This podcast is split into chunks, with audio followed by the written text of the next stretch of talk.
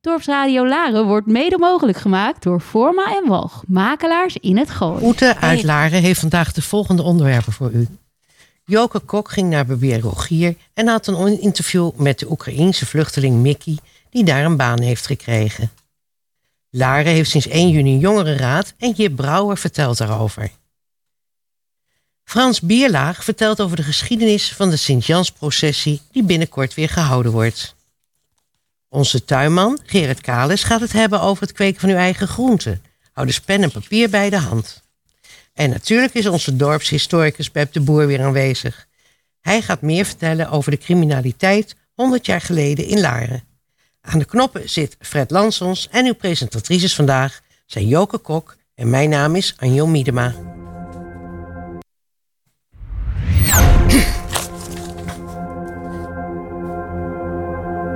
Kort nieuws. De 100-jarige muziekvereniging Sint-Jan viert op 12 juni haar eerste jubileumfeest van een tweeluik met het Wijn Laren concert. Deel 2 zal op zondag 9 oktober in het Singer Laren plaatsvinden.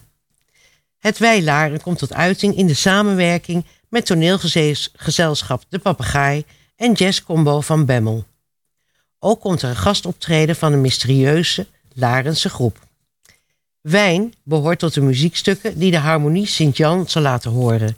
Een fraaie melange van Franse, Zuid-Amerikaanse en Afrikaanse melodieën. Sint-Jan, de muziek en de bezoeker een wijntje, al dus de vereniging. Na de kliniek, klanken van de bekende liedjes wordt, wordt deze feestelijke gebeurtenis afgesloten met heerlijke jazzmuziek. Ze willen er samen gaan en een mooi volksfeest van maken. Het Wijnlarenconcert is op zondag 12 juni 2022 en vindt plaats in de kloostertuin van het Brinkhuis te Laren. De tuin is open vanaf half drie. Het concert start om drie uur. Kaarten kosten 20 euro en dat is inclusief een lekker hapje, een drankje en een mooi cadeautje. Kaarten reserveren kan via info sintjanlaren.nl.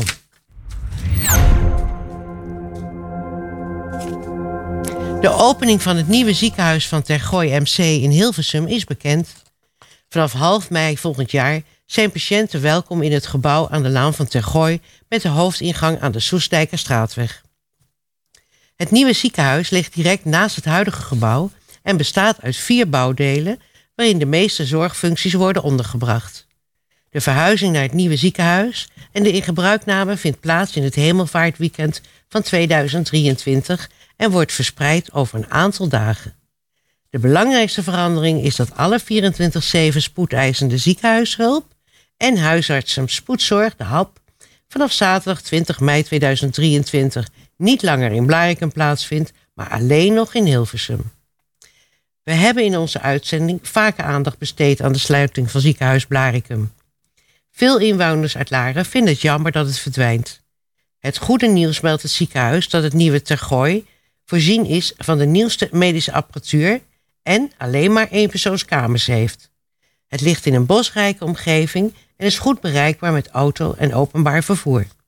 De nieuwe parkeergarage ligt op 40 meter loopafstand van de hoofduitgang. We komen hier in latere uitzendingen nog uitgebreid op terug. Op de eerste maandagen in juni en december verzendt de overheid rond 12 uur een NL Alert testbericht uit. Dit gebeurt nu echter aanstaande maandag, omdat het vorige week Pinksteren was. Met het NL Alert testbericht dat je op je mobiele telefoon ontvangt, ervaar je hoe het is om een NL Alert bij een noodsituatie te ontvangen. Let wel, het NL Alert komt binnen op je mobiele telefoon en kan erg hard klinken als je oordopjes of een koptelefoon gebruikt. De Oekraïense vluchtelingen in Laren zijn gewaarschuwd omdat het alert klinkt als een luchtalarm. De Gooise Academie voor Beeldende Kunsten in Laren nodigde vorige week de burgemeester uit om de naam van een van hun vier ateliers aan de Brink te onthullen. Drie ateliers zijn al vernoemd naar een man en nu koos men voor een vrouw. Charlie Torop. In de ateliers worden beeldhouw, schilder, boetseer en dekenlessen gegeven. De burgemeester was zo onder de indruk van het werk van de cursisten dat spontaan werd afgesproken dat na de zomer een happening op de, bronk, op de brink zal worden gehouden waar het hele dorp de cursisten aan het werk kan zien. Zoiets als Montmartre op de brink. Dit is Dorpsradio Laren. Afgelopen vrijdag had Joke een interview met de Oekraïense Mickey bij barbier Rogier. Ik sta hier in de kapperszaak van barbier Rogier. Hij heeft dinsdagavond 31 mei een actie gehouden voor Oekraïne en een avond staan knippen. Timo, wat was de aanleiding voor deze actie? Ehm, we gingen de vrienden van uh, onze Oekraïense collega helpen. En die zitten nog in Oekraïne. Dus, uh, en wat hield de actie in? Ehm, we hebben drie uur lang geknipt met negen man. En ehm, uiteindelijk hebben we mensen meer gestort dan, uh, dan een knipbeurt. Toen hadden we 3841 euro opgehaald in drie uur. Eigenlijk ongelooflijk. Hoe komen jullie aan Mickey en wat doet hij hier? Mickey die, kwam hier om zijn haar te laten knippen. En uh, toen vertelde hij dat hij ook kon werken. En toen had ik hem een baan aangeboden. Mickey is uh, ons hulpje eigenlijk. Hij veegt haren, geeft koffie. Uh, een soort gastheer. Die geen Nederlands praat. nou, het gaat hartstikke goed. Ja. Hey, hoe, hoe doen jullie dat? Want je leidt hem ook een beetje op als kapper. En ja, jij spreekt geen Oekraïens. Hoe werkt dat? Ja, Google Translate wordt dan je beste vriend. Ja. ja. En gewoon laten zien hoe je iets doen moet, denk ik. Ja, ja als we hem leren knippen, dan doen we het voor. En dan hopen we dat hij het begrijpt. Maar het duurt wel wat langer dan normaal, ja. Dat denk ik ook. Dankjewel en dat je Mickey een kans gegeven heeft. Mooie actie, dankjewel. Um, ik heb vandaag een programmamaakster uit Oekraïne meegenomen, Christina Galina. Zij spreekt heel veel talen. En zij zal het interview met Mickey doen in het Oekraïens en voor onze luisteraars vertalen. Mickey, hoe ben je eigenlijk uit Oekraïne gekomen? Mickey, як ти з України приїхав у Нідерланди? А, я перебував а, три неділі а, після повномасштабного. Давайте, пожалуйста, заново, а то я заб... Я перебував три неділі після початку війни в своєму місті Чернігів зі своєю сестрою. А, але потім, як о, почали обстрілювати жилі дома, тоді підбили самоліт, він впав на нашу вулицю і застрілив сусіда, а потім оказалося, що в самоліті була 500 кілограмова бомба. І таких случаїв було не дуже мало. Потім в мене є фотографії, попав снаряд ночі в дім мого друга, але він вижив, але дім повністю винищений. И моя сестра согласилась уехать, я тоже согласился, и мы выехали, начали ехать к границе к Польше, но после того, как мы ехали, за нами машину обстріляли после 30 минут, і потім все було добре. Ми приїхали, нас встретили волонтери з Нідерландів, відвезли нас в Германію, ми були дві неділі в Германії, потім ми знову зв'язалися, і вони нам порадили приїхати в Нідерланди і знайшли нам сім'ю. Na drie weken na de vreselijke oorlog ging ze met hele moeilijke weg naar de Poolse grens. Maar op dit weg, dat was ook na 30 minuten toen ze uh, rijden, was weer gebombardeerd. Die auto achter, ze, uh, achter hem was gewoon, gewoon kapot. Het was vreselijk, met heel veel tranen, met heel veel verdriet. Uiteindelijk in de Polen uh, had ze mensen die vrijwilligers, vrijwilligers die heeft van hem en van zusje naar Duitsland te komen. Hij was daar twee weken gebleven en daar, uh, ja, het heeft ze weer gebeld naar de, uh, en die mensen zeiden, nou je mag wel, heeft de kans voor naar de Nederlands te komen. Dus besloten wel naar Nederland. Dus op deze manier ging ze lekker naar Nederland. Dus zo ben je in Laren terechtgekomen. Woon je nu intern bij een Nederlandse familie of woon je in de Rabobank? Heb je een eigen kamer en dat doe je dan samen met je zusje? Ти живеш в голландській родині чи ти живеш у Робобанку тут в приміщенні? Я живу в голландській родині. К нам дуже добре відносяться. Як ми для них стали як сім'я. И мы им дуже вдячні, так само, як і на роботі. Тут очень хорошие люди, которые всячески пытаются нам помочь. Ja, hij, hij is met zusje, leeft bij de familie in de, in de Laren. In Nederlandse familie in de Laren. En hij heeft heel veel uh, bedankbaar. En uh, hij zegt dat de super lieve mensen. En ontzettend bedankt voor alle hulp. En hij voelt gewoon als thuis. Maar hij miste wel voor zijn papa. Die is in Oekraïne gebleven en mama, die is ook daar. Eh, is zijn vader aan het vechten of is hij iets anders aan het doen? Твій батько воює? Так, мій батько перебуває в бойових діях, а, але моя мама, січ- мама зараз перебуває в Чернігові. І, к щастю, там зараз е, спокійно. Ja, zijn vader is aan het vechten. En zijn moeder ook in de Chernihiv. Maar gel- Nee, moeder is niet aan het vechten, maar moeder wel in de Chernihiv. Wel de gewoon waar hij woont. In eigen, ja, in eigen moederstad. Zijn huis gelukkig is eh, wel bestaat. Maar ja, de rest de huizen van de buren helemaal kapot is. Dus hij is blij dat zijn huis is wel bestaat nog, maar dat is zo vreselijk om naar te kijken hoe vreselijk is met die alle andere buren en heel veel mensen toen hij moest met eh, zijn zusje weggetrokken. Dus heel veel dode mensen lagen op het straten. Nu heeft de kapper een actie gehouden voor jouw vrienden in Oekraïne. Die zijn net iets ouder dan jij, dus die moesten daar achterblijven om te vechten. Wat gaan ze doen met die 3800 euro die hier in één avond opgehaald zijn?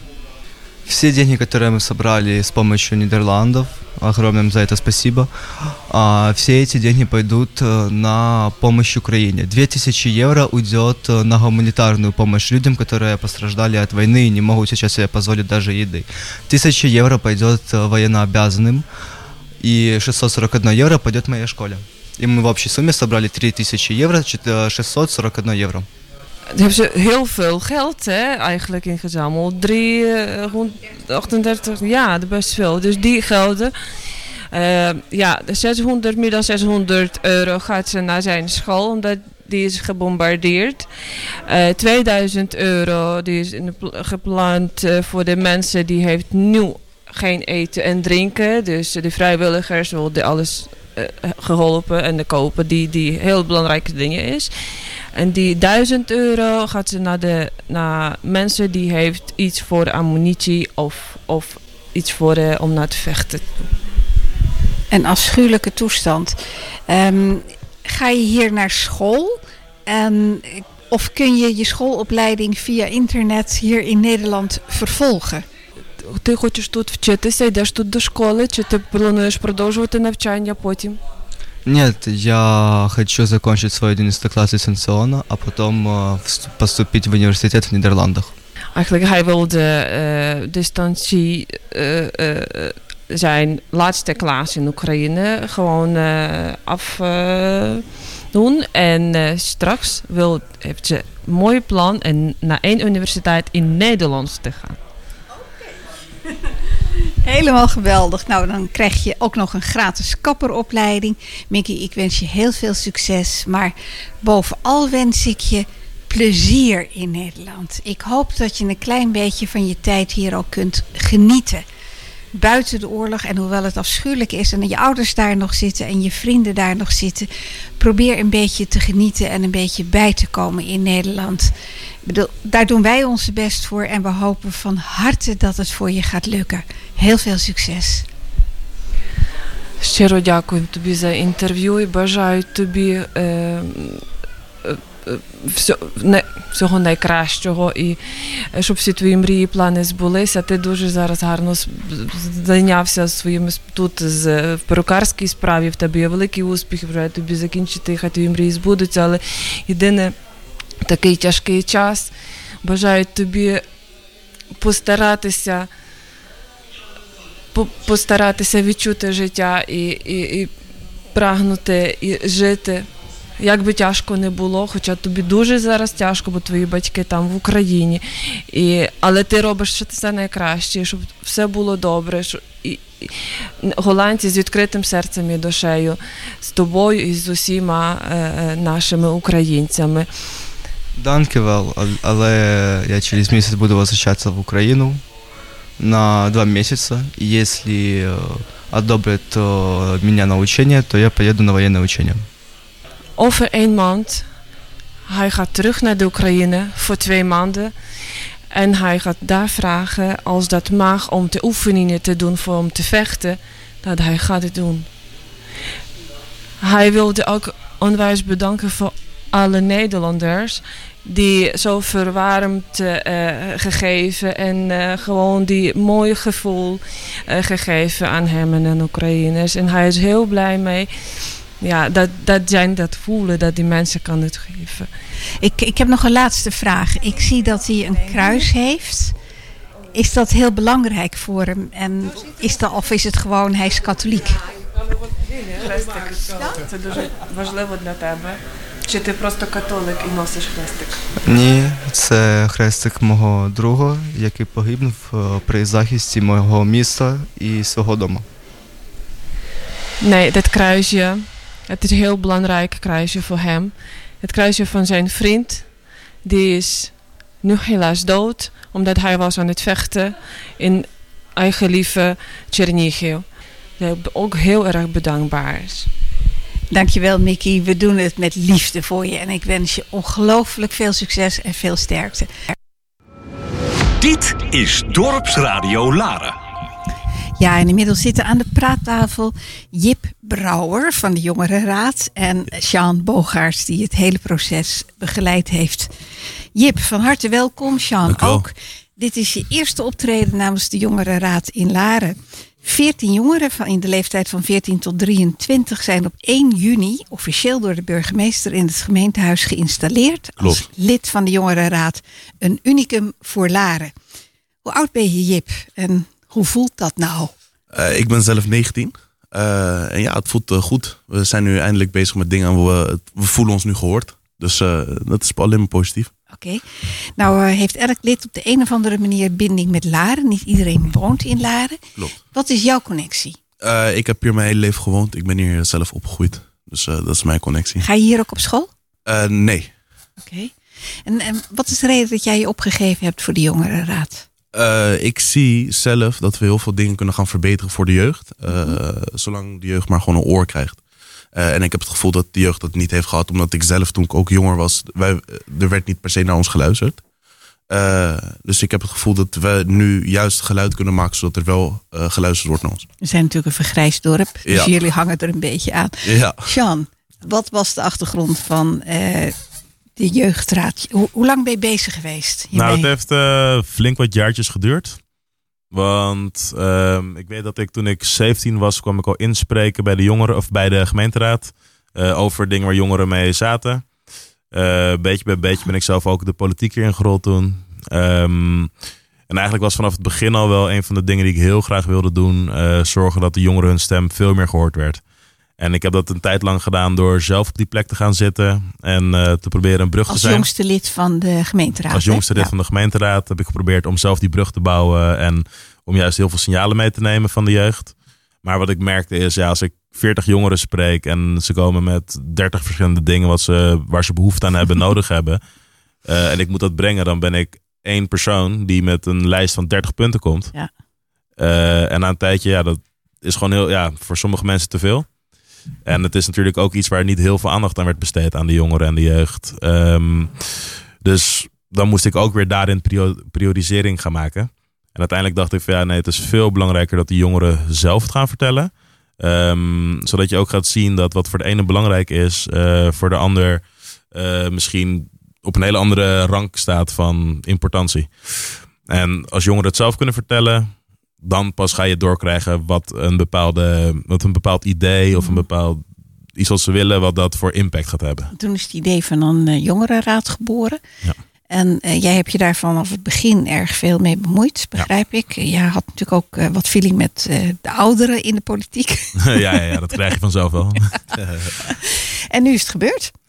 1 Ja. juni is die er. De vlag mag uit. Ehm, wat zijn jouw, jouw verwachtingen van deze jongerenraad, Jip? Eh, ik denk dat we veel eh, problematiek die denk ik niet gezien wordt door eh, misschien de oudere mensen of de mensen die zitten in de gemeenteraad nu. Ik denk dat dat meer gezien gaat worden. Geef eens Eh. een voorbeeld. Waar, waar zitten jullie mee wat niet wordt gezien? Bijvoorbeeld, eh, we hebben geen plek. Bijvoorbeeld. Eh, dus we, er zijn ook geen skateparks. Er zijn geen echt parkjes waar wij eh, echt eh, kunnen gaan hangen zonder dat er problemen zijn of eh, overlast is voor de eh, andere bewoners die eromheen wonen. Dat is natuurlijk het beruchte bankje, hè, wat laatst Het weggehaald beruchte is. bankje. bijvoorbeeld. En eh, gewoon voor de jeugd eh, activiteiten. Dat ze niet eh, of gaan blowen of dat ze andere dingen gaan doen. Zodat ze daar gewoon van wegblijven. Ja, ik heb een, eh, ooit een, eh, iemand uit de politiek wel eens horen roepen van hoezo jongeren skatebaan? Ze zitten toch in de buurt, dan gaan ze maar naar Eemnes of naar Bussum of zo. Toen dacht ik ook bij mezelf, oei. Ja. En nu hebben jullie je eigen stem gekregen. Is er inmiddels al een voorzitter gekozen van de raad? Nog niet. Nog niet. tot nu toe is Sean dat gewoon. Eh, omdat hij het neutrale persoon is eh, die gewoon het gesprek kan vormen. Maar wij willen wel gewoon dat eh, iemand van ons natuurlijk ook een voorzitter kan zijn. Zodat het wel gewoon compleet is. Mhm. Jan, jij blijft het proces dus begeleiden. Zit jij daar als zo'n onbezoldigd jongerenraadadviseur bij? Of hoe werkt dat? Wat is jouw rol straks? Ehm, nou, ze hebben vanuit de gemeente gevraagd om dit officieel via het jongerenwerk ook te doen. En in samenwerking met. Eh, dus op die manier is die linker. Ik zit natuurlijk ook als eh, jongerenwerker. Die gewoon een eh, band heeft met heel veel jongeren in het dorp. Ehm, wat op dit moment mijn rol is, is dat ik in ieder geval heb gezorgd dat iedereen bij elkaar kwam. En wist wat het idee en de bedoeling was. Eh, ik heb ook al bij de afgelopen meeting voorgesteld van ja, willen jullie uit jullie midden eh, op dit moment een voorzitter kiezen? Dat was bij de installatie. Dat was bij de installatie. Toen hebben ze het daarover gehad, de jongeren onderling. En die hebben toen gevraagd of ik het nog even wil aanhouden voor de volgende keer. Eh, maar het idee is wel dat de jongeren zelf sturing geven. Ook zelfs toen ik daar als voorzitter was, was voor mij heel belangrijk dat ik iedereen's mening meenam. Iedereen, ook de, iedereen de kans ook gaf. Dus niet alleen de mensen die meer praten, maar ook juist de stillere. Want ik weet vaak dat de stille personen in deze jongerenraad ook heel veel kracht hebben en heel veel mooie ideeën. Mits je ze even die ruimte geeft. Dus dat zijn eigenlijk de eigenschappen die je vraagt van een jongere om voorzitter te worden. Ja, ik hoop dat we dat kunnen meegeven. Zodat degene die dat gaat doen vanuit het midden, of dat ze dat rolerend willen, dat ligt echt aan de jongerenraad zelf. Dus dat wil ik niet veel invullen. Ehm, ik wil zorgen dat ze zoveel mogelijk in hun kracht staan en ook de geluiden meenemen van de stillere jongeren. Eh, ja, dat het op die manier echt een vertegenwoordiging is eh, voor iedereen. En niet alleen voor degene met de grootste mond, zeg maar. Oké, je hebt nu, zijn jullie geïnstalleerd? Hebben jullie nu voor jezelf al eh, vergaderdata bijvoorbeeld afgesproken, een vaste dag waarop jullie bij elkaar komen om eens te bepalen van wat willen we nu als eerste, hoe gaan we het aanpakken? Eh, we hebben nu al eh, een meetingdag, dat is 26 juni als ik het goed heb. Eh, dus dan komen we sowieso bij elkaar met ook de wethouder. En, eh, dus de- die dag staat sowieso vast. En wij willen ook gewoon onderling willen we nog gaan afspreken om bijvoorbeeld dingen te bespreken. Of dingen die wij belangrijk vinden om genoemd te hebben. En jullie wethouder is Flip de Groot. Klopt. En als jullie nu afspreken, mag dat in het gemeentehuis? Of hoe Eh, doen jullie dat? We hebben vier datums die wij Ja. zeg maar het komende jaar afspreken. En dat is eh, volgens mij in het gemeentehuis. Ja, de volgende is er van 29 juni. J- 29, ja. Ja, eh, dat is dan in het Raadshuis Laren. Dus, de eh, grote raadzaal. Ja, gewoon in de grote Wauw, raadzaal. jongens. dus dat is gewoon heel tof. Ehm, en de bedoeling is vier grote meetings. En daarnaast kunnen de jongeren onderling dus met elkaar afspreken om het over topics te hebben.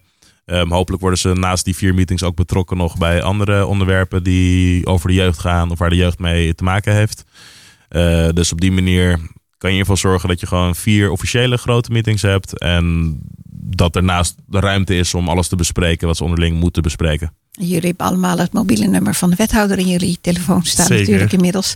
Dus als er iets is, dan kunnen jullie contact met hem opnemen. Is dat zo? 100 procent. Dat heeft hij al gezegd. We hebben ook een groep, ja. Hij, heeft, eh, hij wil sowieso luisteren. En dat heeft hij vanaf het begin aangegeven. Oké. Dus die samenwerking tot nu toe is eh, top. Die is, die is helemaal top, geweldig.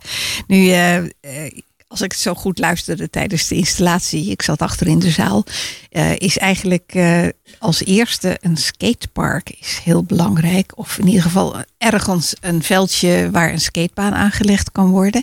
Wordt dat ook jullie eh, eerste topic?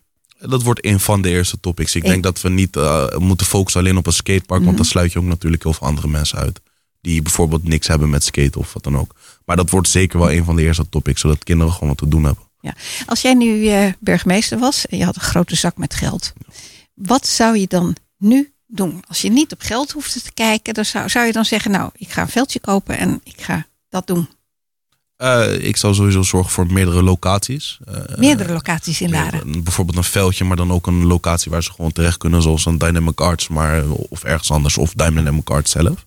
Een clubhuis. Een soort van clubhuis. Klopt, ja. Zodat ze gewoon dingen te doen hebben ook door de week. Niet op één dag bijvoorbeeld. Dus dan zou ik daarop gaan focussen. En ik zou meer eh, gaan praten met de jeugd. Los van het geld of eh, los van de dingen de or- eh, organiseren, maar gewoon luisteren.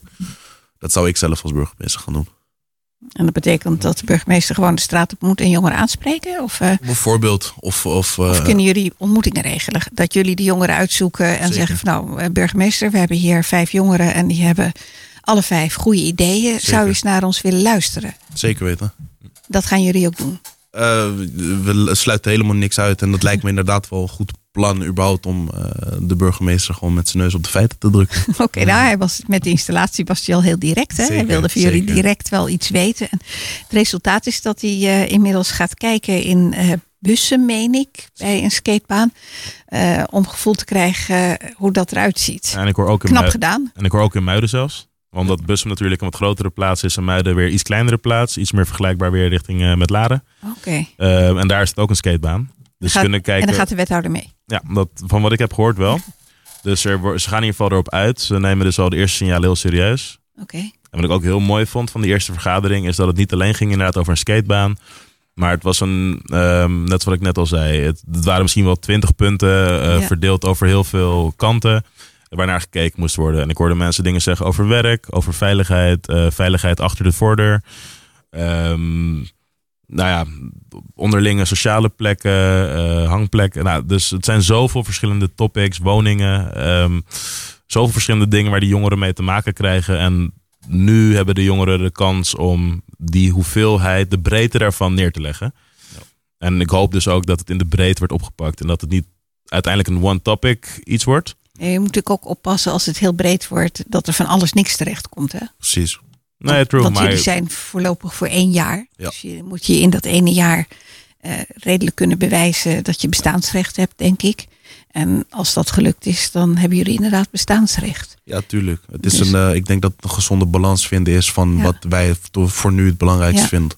En we blijven natuurlijk een, eh, een vergrijsd dorp. Dus je zal altijd mensen hebben die als jullie rommel bij bankjes achterlaten. Of als er gedeeld wordt of zo. Dan eh, blijven er altijd mensen zijn die er wat van zeggen. Het mag trouwens ook niet.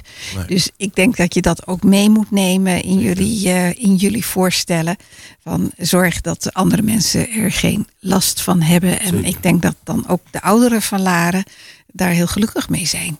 Ja, dat je- is sowieso ook. eh, iedereen moet er blij mee zijn. Dus Ja. de jeugd moet er blij mee zijn, maar ook eh, de ouderen van Laren. Iedereen moet gewoon denken van dit is goed. Misschien moet je ook eens met ouderen in gesprek gaan. Als je voorstel hebt van, eh, joh, vraag eens wat ouderen wat zij ervan vinden. Zeker. Ze zijn natuurlijk niet tegen de jeugd, hè? ze waren natuurlijk zelf ook jong. Nee, daarom. Jip, ik wens jou ontzettend veel succes met de Jeugdraad. En ik hoop je nog vaak hier terug te zien. Zeker. Bij de radio hebben we regelmatig wethouders, we hebben regelmatig raadsleden. En ik zet je op de lijst. Top, Of dankjewel. de, de nieuwe voorzitter, dat weet ik niet. Maar eh, ik wens je heel veel succes. En dankjewel. jij ook bedankt voor de organisatie tot nu toe. Ik weet dat je een hele lange adem gehad hebt. En je mag nou even uitpuffen. Yes, dankjewel Joke. dankjewel Dorpsradio. Dankjewel, Fijne jongens. Graag gedaan. Dorpsradio Laren. Het nieuws rondom onze brink. Heeft u een tip?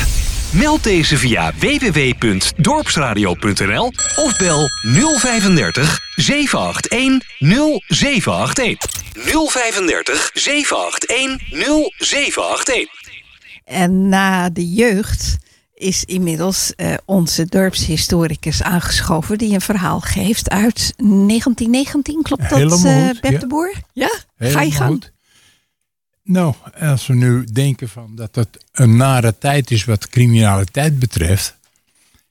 100 jaar, langer nog, eh, geleden, was er ook wel wat aan de hand. Dat, nou, bij een oude dame in Laren kwam een tweetal personen op bezoek. Die dame die had een kast te koop aangeboden. En de heren wilden deze kast kopen voor duizend gulden. Dat was, dat was een enorm bedrag. De vrouw wist niet hoe ze het had. Dat was een mooie meevaller. En als handgeld gaven ze de vrouw alvast 50 gulden. Nou, ze vroegen de vrouw ook eh, of ze misschien nog wat sieraden in huis had. Nou, die had ze wel. Maar ze was al helemaal blij en dacht, nou, een mooi voordeel, voordeeltje. Dus ze dacht, wacht even. En ze had een bros. Die liet ze aan de heren zien. En die verkocht ze voor een belachelijke lage prijs. Het sieraad was veel meer waard. Een paar dagen later kwamen ze weer terug om de kast op te halen. Maar vroegen eerst of ze nog wat sieraden had. Gelukkig was op dat moment haar broer op bezoek. En die deze lieden in de gaten had. Hij verweet ze dat ze flessentrekkers waren en nodigde de heren uit om met hem naar het politiebureau te gaan.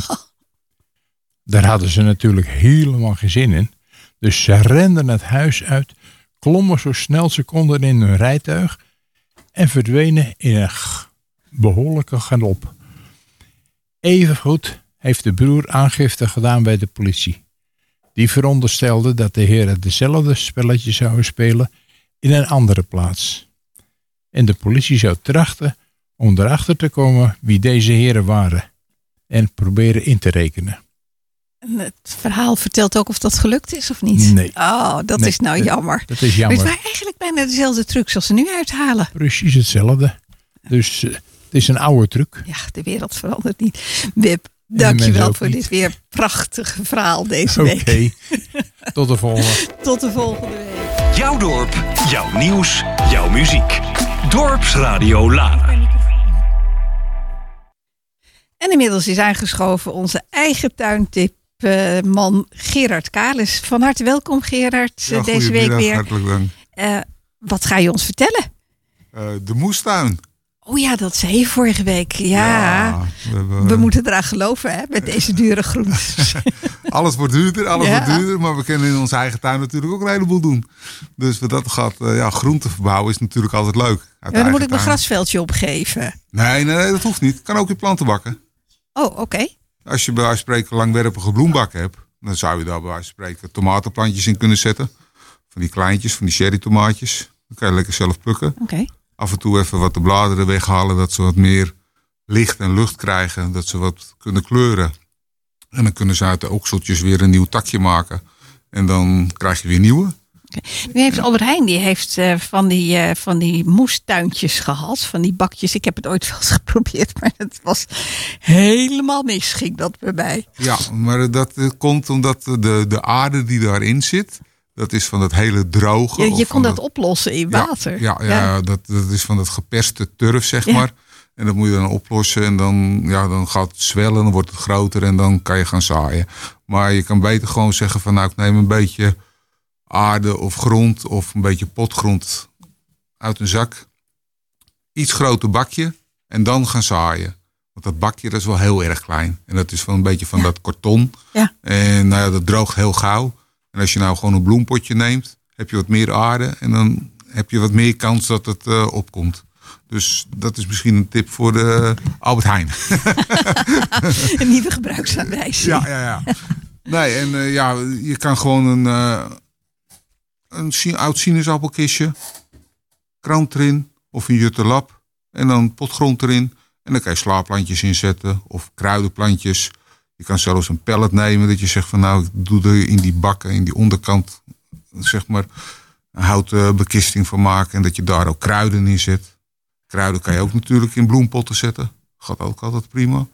En, maar dan moet je weer oppassen dat je geen peterselie en selderie bij elkaar zet. Want dat is water en vuur. Is dat zo? Ja, Oh, dat is heb ik gedaan wel eens een keer. Ja, ja, ja, ja, dat werkte niet. Nee, nee eh, dat werkt niet. Nee. Je kan beter peterselie en bieslook nemen. Oké. En dan eh, de- en de, de selderie bij wijze van spreken met eh salie of tijm. Dat gaat beter dan dat je die twee bij elkaar doet. Ja, want nou zeg jij bieslook. Dan heb ik ooit, je kan bij Albert Heijn kun je altijd van die potjes kopen. Hè, van, die, van die kruiden. Die zet ik dan in mijn vensterbank in de keuken. En op een gegeven moment zijn ze bijna uitgebloeid. En denk ik, wat moet ik ermee? Hup, ik zet ze ergens eh, in, de de tuin. tuin. ertussen. Dat is gewoon onkruid. Ja, dat komt vanzelf. dat, dat Ja. komt elk jaar komt dat in grote getalen weer. Ja, ja dat, dat, dat klopt. Ja, ja, ja. En je kan ze gewoon door laten bloeien. Dan kom je van die mooie eh, blauwe eh, bloemetjes, Ja. die paarse bolletjes erin. En dat is weer goed voor de bijtjes en de vlindertjes. dus daar hadden we het vorige week over. Maar ja, de kruiden kan je natuurlijk ontzettend veel in potten doen. Salie en al zulke soort dingen, dat, dat gaat prima. Eh, je hebt ook natuurlijk ook eh, klein fruit, zeg maar, zoals aardbeien. Heb je van die hangpotten. Kan je prima doen. En die worden opgegeten door de vogels. Ja, maar dat hoeft niet. Als je ze wat dichter bij huis hangt, dan valt het allemaal wel reuze mee. Is dat zo? Ja, dat valt reuze mee. Dat als je bij, bij huis dan, eh, dan kijk, je moet ze niet in het vrije hangen, want dan pikken ze hem leeg. Maar als je wat dichter bij huis komt, dan eh, valt het reuze mee. Oké. Eh, Japanse wijnbes. Dat is een soort met framboos. Oké. Nou, die, die gaat heel makkelijk voor in de, in de tuin. Doornloze braam, ook prima voor in de tuin. Kun je allemaal zelf plukken en het, het groeit eigenlijk hetzelfde jaar nog. Ze zijn eigenlijk lekkerder als je het zelf doet. Want als je het in de winkel koopt, dan worden ze... Nou, ik weet niet waar ze vandaan komen, maar het smaakt naar niks. Ja, ja, er zitten altijd een paar dagen tussen. Ja, maar ze zijn koeling- vaak niet... Ja, precies, uit de koeling. Ze worden onrijp geplukt. Ze rijpen niet meer. Dus ja, de zon geeft ze zoetheid natuurlijk. Ja, ja, dat is natuurlijk eh, verser dan vers kan je ze niet krijgen als je uit de eigen tuin eh, plukt. Dat is Ja. een ding wat zeker is. En dat kun je ook in, eh, in bakken doen? Ja hoor, dat kan- prima. Kijk, zoals de Japa- Japanse wijnbes of een bessenstruik of die doornloze braam. Die moet je gewoon in de tuin zetten, in de, in de aarde. Mhm. Dan blijft die lekker doorgroeien. En gewoon af en toe wat mesten met koemest. En dan heb je elk jaar, kan je daarvan plukken. Oude takken Die zijn eruit. wintervast. Die zijn wintervast. Kan je oude takken eruit, komen nieuwe takken. En daarop kan je weer gewoon het volgende jaar weer plukken. Nou, straks heeft de markt geen, eh, geen klanten meer. Wel, dat, eh, kijk, eh, je, je- kijk, als je er twee, drie boterhammetjes uithaalt, bij wijze van spreken, of vier, dan, dan, dan zal het het meeste wezen, bij wijze van spreken. Kijk, het zijn natuurlijk geen hoeveelheden als je één Nee. struik neerzet. Kijk, en ja, slaapplantjes kopen, kant en klaar. Zijn al voor, voorgetrokken, zeg maar. Hoef je ze zelf niet te zaaien. Anders eet je de hele week sla. Dus als je elke keer een paar plantjes koopt, wij spreken drie of vijf plantjes. En dan om de week vijf plantjes. Dan kan je dat uitsmeren over het hele jaar door. En wat je nu ook nog kan poten, de tuinboontjes, die zijn zwart, die komen eraan. Die zijn dan bijna om te plukken. Nou, en als die eruit gaan, kan je natuurlijk weer boerenkool zaaien eh, of poten. En bloemkool. En dan heb je van een stukje heb je twee keer de oogst. Maar bloemkool doe je niet in een pot, hè? Dat moet je echt in de, Nee, dat in, moet je in de, aarde, zetten. doen. Dat is, eh, ja, je kan ook als, eh weet het, nou, als dan kan je natuurlijk, ja, sommige mensen zaaien later eens. Maar je kan natuurlijk ook eh, snijboontjes of eh pronkboontjes eh, zaaien daar. En dan doe je gewoon drie zaadjes bij elkaar en zet je erin, laat je doorgroeien. En dan kan je zelf eh, je boontjes plukken. Klinkt altijd zo makkelijk als jij het zegt, hè? En dan denk ik van, ik met mijn niet groene vingers, dat gaat me dus nooit ja, lukken. maar een groentetuintje heb je niet echt veel groene vingers voor nodig. Dat gaat, eh, je, je moet even een beetje eh, geduld hebben. En op het juiste moment zeggen van... nou ja, kijk, de aarde als het heel droog is... ja, hoef je niet te zaaien, want dan komt niks op. Maar als het zoals van de week heb het lekker geregend, nu is het mooi weer... Nou, als je dan gaat zaaien, dan, dan komt het heel gauw op. En spinazie is met een week boven. Nou, luisteraars, als u het hoort, kunt u over twee weken spinazie uit eigen tuin eten. Gerard, het is helaas weer tijd. Dankjewel voor je tips. Nou, dat is prima. En we zien je graag volgende week Ja, weer, eh, volgende week weer komen we weer. terug. Oké. Dit is Dorpsradio Laren. Nou, en dan is het eh, bijna Sint-Jan. En gelukkig mag het weer dit jaar. En wij hebben uitgenodigd in de studio Frans Bierlaag. Frans is een, eh, nou, een kenner van Sint-Jan. Hij leeft van Sint-Jan zo ongeveer. En eh, is ontzettend betrokken bij de processie. Op 12 juni houdt hij daar ook een lezing over in het kerkgebouw De Engel in Huizen. Dus alles wat hij vandaag niet hoort, ga dan naar de lezing toe. Dan krijgt hij nog veel meer informatie. Frans, van harte welkom in het programma. Kun jij iets zeggen over het ontstaan van de Sint-Jansprocessie? Want ik las dat rond 1306 was er al een kerkje op het huidige kerkhof. Klopt dat? Dat klopt. Eh, het staat vast tot eh, in 1306 op de hoogte van Hilversum en Laren een kleine kerk heeft gestaan, werd gebouwd, toegewijd aan Sint-Jan. Diverse gemeentes hadden, uit het Gooi hadden, waren aangesloten bij de abdij van Elten. En dat had tot gevolg dat ze de Sint-Vitus heten. Maar ons kerkhof, dat hoorde bij de gronden van het kapittel van Utrecht. En dat is het Sint-Jans-kapittel in Utrecht. Vandaar de naam Sint-Jan. Sint-Jan. Die is dus ook al heel oud eigenlijk. Ja. Ja. Nou, eh, zijn er verschillende legendes over het ontstaan van het kerkje en het Sint-Janskerkhof. Eh, weet jij er zo één in het kort te vertellen? Ik heb er eentje die heel kort is. Het is een beetje luguber, maar oké. De oorsprongslegende van de Laanse verering is het verhaal van drie vrouwen die in de middeleeuwen door rovers ter hoogte van de toen nog niet bestaande kerkhof werden vermoord. Ten, eh, ter verzoening van deze misdaad wensten de inwoners van Laren een gedachtekapel in hun dorp op te richten. Tot driemaal toe mislukte de bouw, doordat de inwoners de fundamenten telkens terugvonden in de nabijgelegen heuvel, het Sint-Jansbergje. Het was een teken van God dat juist daar een aan Sint-Jan gewijde kapel of kerk gebouwd moest worden. En dat is dus die kerk, het kerkhof. Dat is een mooie legende. hey, wanneer was de eerste officiële processie eigenlijk? De eerste officiële processie, ja, dan komen we pas om 1798 komen we eigenlijk uit. En dat heeft te maken met eh, de reformatie die we hebben gehad. De katholieken mochten natuurlijk niks doen. En eh, in 1760 toen werd de eerste schuilkerk in Laren gebouwd op het Zevenend. En eh, toen was alles nog binnen in de kerk. En het is aan de pastoor eh, Oostveen in 1798 te danken. Die bracht daar verandering in. Uit brieven van hem blijkt dat er een verering geprogrammeerd werd van Sint-Jan. En hij nodigde ook een aantal pastoors uit de omgeving uit. Is dat zo ongeveer waar nu de Sint-Janschuur is? Uh, nee, dat, dat is de Zevende Drift. En dit is op de Smeekweg. En dat is uh, uit mijn hoofd nummer 6. Oké. Okay. Als je iets de, de, de Smeekweg oprijdt, heb je een, een weiland waar paarden staan. -hmm. En daarnaast, dat gebouw, dat is vroeger de Schuilkerk. De Schuilkerk dat is toch, ja, dat is Schuilkerk. Is, dat is niet hetzelfde gebouw, neem ik aan. Hetzelfde gebouw nog. Dat meen je niet. Want de nis, de nis moet, ik heb foto's dat er nog een nis vroeger in zat. Die zal er nu uitgehaald zijn, maar er is een nis geweest waar beelden in stonden. Is ongeveer, nou, 500 jaar oud? Zoiets? Uh, het is, nou ja, 1760, hè? Dus ja, ja. 500 jaar 500 oud. jaar oud, ja, zeker. Dat was uh, voor, de, voor het kleine kerkje. Wauw. ja, ja. nou, dat is ouder dan je denkt, hè? ja. En nu um, wordt de Sint-Jans-processie, die wordt uh, eigenlijk helemaal opgezet en begeleid en gedaan het hele jaar door door de broederschap van Sint-Jan wanneer is deze ontstaan en wat is de broederschap van nou, De broederschap Sint-Jan is ontstaan in 1806. Dat had te maken dat ze uit Amsterdam kwamen al uh, mensen van de kerk naar, naar, naar Laren toe om een, een bedevaarttocht te houden. Uh, daarmee verdienden ze een zogenaamde aflaat. En uh, die trokken dus van Amsterdam naar Laren toe, want ze hadden gehoord dat Laren doet iets, iets van verering aan Sint-Jan de Doper. Dus ze gingen naar Laren toe. En het is aan die Amsterdammers te danken dat er een aantal mensen in Laren dachten van we moeten echt iets gaan, gaan organiseren. En dat leek een klein beetje op een processie, maar die was nog niet buiten de kerk, die was nog in de kerk, intern. Okay.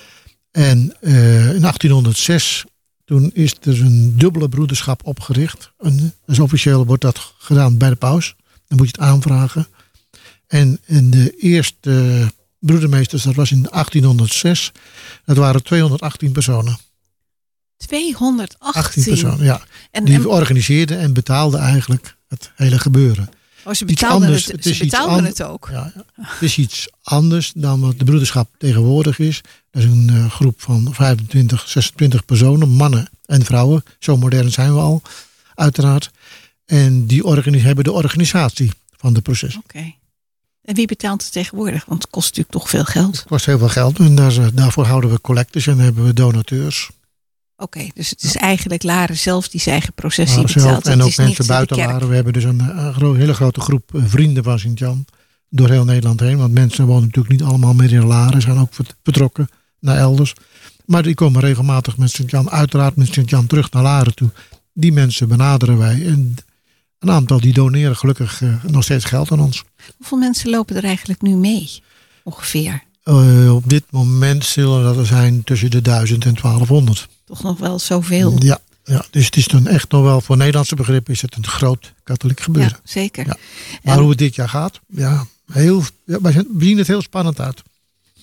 Waarom moet je je opgeven? Of uh, waar, waarom vind je het spannend? Nou, de mensen hoeven zich niet op te geven. Ze kunnen gewoon uh, in, in, in, uh, inslopen. Dat is de processie, de, de, de vaste kern komt uit de kerk en van het kerkplein af. En zodra we eigenlijk zeg maar van het kerkplein af zijn, net het begin van de brink, uh -huh. daar kunnen we de mensen in de processie inschuiven. Ah, oké. Okay. En je andere vraag is van uh, waarom het aantal deelnemers, ja dat weten we natuurlijk niet. Een heleboel mensen zijn dus, vroeger was het dus echt veel meer ouderen. Er zijn natuurlijk in die twee jaar tijd natuurlijk heel veel ouderen overleden. En ja, meer mensen hebben zich ge- gekeerd van de kerk. Dus we weten helemaal niet welke kant het op gaat. Het, aan ons vrijwilligers ligt het niet. Dat is een team van 200 personen. En die zijn er nog steeds. Nu eh, heeft die, eh, die processie buiten, die loopt onder verschillende bogen door en eh, andere ornamenten eigenlijk. Wie, wie maken die wordt toch niet elk jaar opnieuw gemaakt? Die worden niet elk jaar gemaakt. Het, het ontstaan van die erepoorten, dat is van 1886. Toen eh, was er een eh, geestelijke die een, een had. En toen had meester van Wulven van de school, toen de lagere school, had een soort met versiering gemaakt. En uit die versiering die hij maakte, dat waren eigenlijk een paar eh, ja, palen met vlaggen en, en, en schilderijen erin en wat groen eromheen. Later werden dat eh, steeds meer boogjes. Die werden constant eh, in elkaar gespijkerd. Dus na een aantal jaren waren die dingen helemaal op. En dat hebben we iedere keer. eh, dat- werd gedaan door buurtcomité's of vermogende laders. Die betaalden en bekostigden dus de bouw en het maken van zijn erepoort. In de jaren 60 is dat allemaal een beetje teruggelopen weer. Maar er was toen de tijd één Smit en- Gert Vos, senior. En die had een, eer, ook een, een boog gemaakt. En dat was de eerste metalen boog. Dus die hoeft niet meer gespijkerd te worden. Die schoof je als het ware in elkaar. Hij bestaat nog steeds. Het is de oudste boog. En hij staat op de Sint-Janstraat. Hoekje Hendrik Valkenburglaantje. Oké, ja, die ken ik. Ik woon er vlak in de buurt. Ja, die, eh, ja. die zie ik daar vaak opgebouwd Ja, en worden. daarnaast zijn er dus meer bogen van metaal gemaakt. En een combinatie van hout en metaal. Maar ze kunnen ze alles in elkaar schroeven en schuiven. En waar worden ze bewaard? Want ze staan maar een paar dagen en dan worden ze weer afgebroken. En wat doe je er dan mee? De, de bogen die worden opgeslagen tegenwoordig in de Sint-Janschuur. Dat was vroeger een schuur van de, van de, van de boeren, waar zij dus een groot eh, materiaal, materiaal inzetten. Die schuur die staat op de Zeven en de Drift. En heel toepasselijk op nummer 24. En dat is toepasselijk. Want... Toepasselijk, Sint-Jan is 24 juni. Ah, vandaar. Dus vandaar dat het heel toevallig is. dat, Dat, is, het, eh, dat is heel toevallig. En ja. kan iedereen alles daar kwijt? Of zijn er ook nog mensen die iets op zolder bewaren? Nee, de meeste de spullen liggen allemaal daar. Dat, eh, enkele kleine dingen die, die, die kwetsbaar zijn, die worden bij de particulieren thuis gehouden. Eh, de bogencomité's die we op dit moment hebben, die, die dat doen. Dat zijn vier comité's tegenwoordig. Dat is comité Oosterend, Zevenend, Kleine Laren en naar de straat. Oké. En ehm, een heel andere vraag, maar in die processie heb ik wel eens kruisridders met van die grote mantels met een kruis erop voorbij zien komen. En ik was helemaal flabbergasted. Ik denk van, dit bestaat toch niet meer? Ja, dit bestaat nog zeker. Het moeten enorm oude organisaties zijn. En waar, waar komen die vandaan? Dat toch niet uit Laren? Nou, degene die, die ridders die je dus ziet lopen met die grote witte kepen met die rode kruisen erop. Dat zijn eh, de ridders van het Heilige Graf van Jeruzalem. En Dat een, is oud. Dat is een pauselijke orde en die is opgericht in 1847. En de taak van deze, eh, er zijn 30.000 leden over de hele wereld verspreid. Waarvan 300 in Nederland. En het aardige is dat de, de wij zouden zeggen de voorzitter, maar dat is de landscommandeur van die groep in Nederland. Die woont hier in Laren. Zijn voorganger woont ook in Laren. En sinds eh, december houden zij kantoor in onze pastorie. Oké, maar jij, eh, even voor mijn gevoel, jij zegt net ze zijn opgericht in 1806. Ze, ja, ze, ja, Maar die, kruis, ja, maar die kruisridders waren toch veel eerder? Dat zijn kruisridders en dit is een, eh, een pauselijke groep mensen. En die zijn opgesteld voor het instellen van ondersteuning van de kerk. Maar ook eh, spirituele en materiële steun voor scholen, ziekenhuizen, verzorgingshuizen, weeshuizen aan christenen in het, heil, in het Heilig Land. En het eh, voorbeeld daarvan is Theodotion, is een Johanieter. En dat heeft te maken, Johanieter zeg je, dat is een hele andere orde, maar dat zijn de Maltese ridders, die lopen ook mee. En je had twee groepen, je hebt de katholieke groepen en je hebt de, de hervormde groep. Theodotion is dan de hervormde groepen. En Oh, oh, wat oh, ik wacht begrepen even, heb wacht even, wacht even. Nu, nu ga je me te ver, want hoe kan een kruisridder nu eh, hervormd zijn? Dat is toch iets typisch katholieks? Dat is typisch, dat zeg ik, de, de, de, de ridders die wij hier hebben, dat is een pauselijke groep. Maar er zijn ook mensen die zeggen, hey, dat gaat heel goed. We kunnen ook voor mensen zorgen. En toen is er dus een andere groepering gekomen. En dat is ook meer van de adel. Die dat overgenomen hebben. Als je de. Maltese ridder bent, dan ben je van de adel. Ben je van de eh, ridders van het Heilige Graf, ben je niet van adel. Hoef je niet van adel te zijn. Oké. Want ik ben ooit op Malta geweest en daar heb je natuurlijk ook heel veel processies en heel veel ridders en eh, heel veel musea daarmee. En eh, dat waren inderdaad ook mensen van adel. Zijn die van dezelfde kom af of is dit een hele andere groepering? Nee, dat is jouw kom af. En nou, het leuk dat je dat zegt, want je bent op Malta geweest. Nou, bij hun hoofdkerk in Malta staat op het plein de Sint-Jansbeeld, want dat is ook hun heilige patroon. Het kopie van dat beeld, dat staat bij ons op het kerkplein. Want het is namelijk de dat is- voorstudie dat is leuk. En, de, en de opdracht voor de Maltese ridders van Sint-Jansbeeld, dat staat dus in Malta. Dat is geweldig. Erg leuk om te weten. Eh, Die, ehm, eh, wat is precies het programma en wat is de route? Wanneer is de processie precies? De processie is op zondag eh, 26 juni. Het hele volledige programma is, we beginnen zaterdag om 7 uur met een openingslof in de basiliek. Aansluitend zijn er om 8 uur rijden er koetsen. Die rij- versierd met bloemen, die rijden de routen. En daar kunnen mensen die slechte been zijn, die gaan dan met die koetsen de route rijden. De avond Dan- ervoor eigenlijk, hè? Ja, dat is de avond ervoor, dat is zaterdag. En dan zondagmorgen beginnen we vroeg om 7 uur op het kerkhof met een Eucharistieviering. Om 9 uur is er een Latijns gezongen mis. Om 11 uur vertrekt dan het hoogtepunt van het patroonsfeest de processie uit vanuit de basiliek richting het kerkhof over de versierde Sint-Jansstraat Hilversumseweg. Daar vindt een Eucharistieviering plaats. En na de Eucharistieviering gaan we als sacramentsprocessie gaan we terug via de Vredelaan en de brink weer terug de basiliek in, waar een slotlof is. Juist. En, en nu krijgt Lara ook nog een nieuwe pastoor. Pastoor Vriend, die gaat met emeritaat. Ja, dat klopt. En wie komt er in Lara? Wanneer wordt die geïnstalleerd? Nou, de installatie, dat is, dat is eh, Nico van der Peet. Die is nu nog eh, pastoor in Amsterdam. En zijn installatie vindt plaats aan het eind van de Eucharistieviering op het kerkhof met Sint-Jan. Dat is heel bijzonder eigenlijk, hè? Dat is heel bijzonder. Ja. Ja. En dan is de 3 juli is de afscheidsviering van pastoor Vriend. Die is om 10 uur in de basiliek. En een week later is het Nico van der Peet. De zijn eerste mis als pastoor van Laren. Juist. Hoe oud is Nico van der Peet? Hoe lang? 64. Hoeveel? 64. Ik kan er wel een paar jaartjes Hij kan mee. nog een paar jaar mee. Een stukje jonger dan pastoor Ja. Hey, en tot slot, wat betekent Sint-Jan voor jou persoonlijk? Ja, daar draait mijn hele leven eigenlijk om. Ik ben het hele jaar door met Sint-Jan bezig. Kijk, de mensen die, eh, worden, die meewerken, die zeggen oké, eh, die beginnen nu wakker te worden. Ik ben het hele jaar mee bezig. Oké. Nou, luisteraars, dit was een heel verhaal over Sint-Jan en hoe toepasselijk. Wij gaan eruit met het lied van Sint-Jan. Lare heeft een eigen lied van Sint-Jan.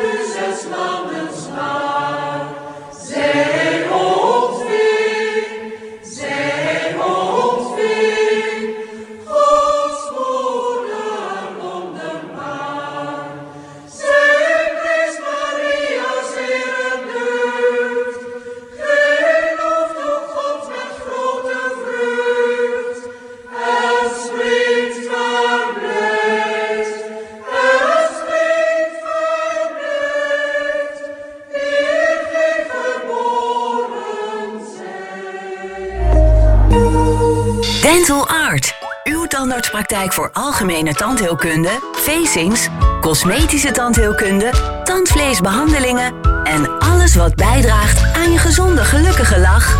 Zoals ons vernieuwde pakket op het gebied van leefstijltandheelkunde. Meer willen weten? Bezoek onze website www.dental-art.nl. Welkom, making happy